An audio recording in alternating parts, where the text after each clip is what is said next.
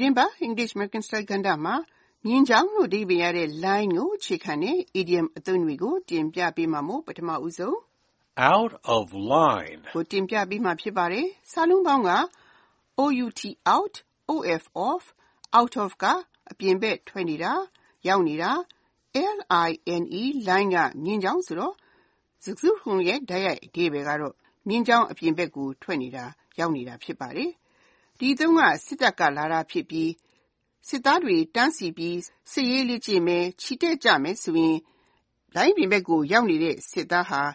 စီးမြင်ရလက်ခံနိုင်စရာ မရှိတာ ဖြစ်ပါတယ်။ idiom ဆိုတဲ့ သွယ်ဝိုက်အဓိပ္ပါယ်ကလည်း ဒီတိုင်းပါပဲ။လူ့ကျင့်ဝတ်သိက္ခာနဲ့ဖြစ်စေ သက်ဆိုင်ရာစည်းမျဉ်းတွေနဲ့ဖြစ်စေ လက်ခံနိုင်စရာမရှိတဲ့ အခြေအနေကို ဒီအသုံးနဲ့ ရည်ညွှန်းပြောတာ ဖြစ်ပါတယ်။ဒါကြောင့် နေ့စဉ်ဘဝမှာ တဦးဦးကလှုပ်လိုက် ပြောလိုက်တာဟာ စော်ကားရာရောက်တယ် လက်ခံနိုင်စရာ မရှိဘူး ယဉ်သိရာရောက်တယ်ဆိုရင် out of line ဖြစ်နေတယ်ဆိုပြီးတော့ ဒီ idiom ကို ရည်ညွှန်းသုံးတာ ဖြစ်ပါတယ်။ဒီနည်းကျမတို့မြန်မာမှာ လွန်ရာကျတယ်လို့ ပြောတာနဲ့ တူတယ်လို့ ဆိုရမှာပါ။ဒီအသုံးနဲ့ ပတ်သက်လို့ George ကိုပေးတဲ့ ဥပမာကို လေ့လာကြည့်ကြရအောင်ပါ။ Mike, I think what you said to Jane is out of line. You should say sorry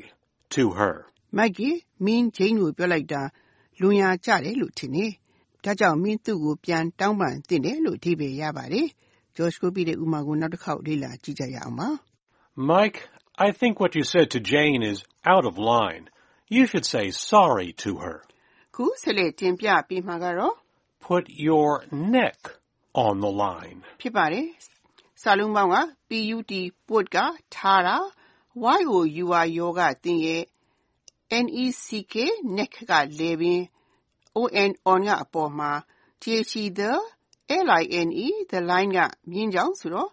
စကားစုတခုလုံးရဲ့တိုက်ရိုက်အဓိပ္ပာယ်ကမြင်းချောင်းပေါ်မှာကိုယ့်ရဲ့လည်ပင်းကိုထားတာပေါ့။ idiom ဆိုတဲ့သွယ်ဝိုက်အဓိပ္ပာယ်ကတော့ကျမတို့မြန်မာမှာကိုယ့်လည်ပင်းကိုယ်ဆင်းခံတယ်ဆိုတဲ့ဆိုရိုးနဲ့ဆင်တူတယ်လို့ဆိုရမှာပါ။ တခုခုအတွက်ကိုယ့်သိက္ခာ၊ကိုယ့်အသက်၊ကိုယ့်ပစ္စည်းစသဖြင့်နစ်နာဆုံးရှုံးတဲ့အန္တရာယ်ရှိတဲ့ကြားက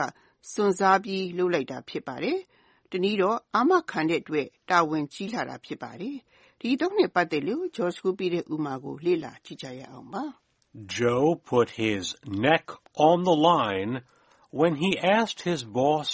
to hire his friend Tom. Now he's regretting it.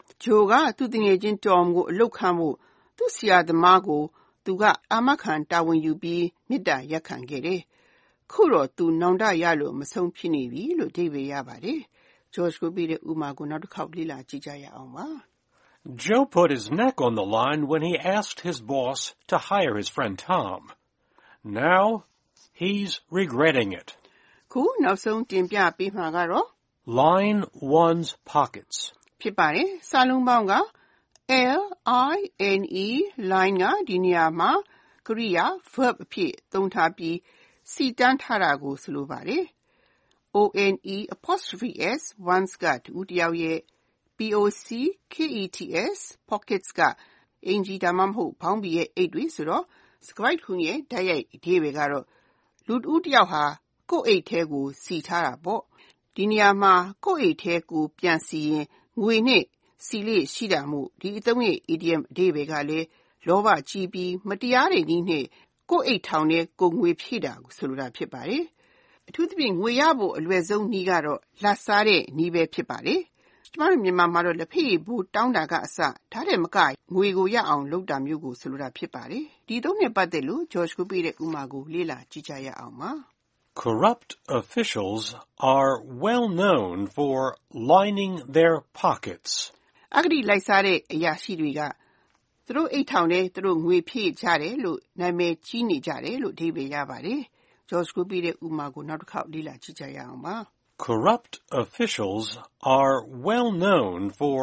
lining their pockets. ဒီသတင်းပတ် line ကိုအခြေခံပြီးတင်ပြခဲ့တဲ့ idiom အသုံးတွေကတော့ Out of line, put one's neck on the line, line one's pockets. တို့ဖြစ်ကြပါတယ်။နောက်သတင်းပတ်ခုလိုချိန်မျိုးမှာလည်းနောက်ထပ် idiom အသုံးတွေကိုဆက်လက်တင်ပြပေးဦးမှာမို့စောင့်မျှော်နားဆင်ကြပါရှင်။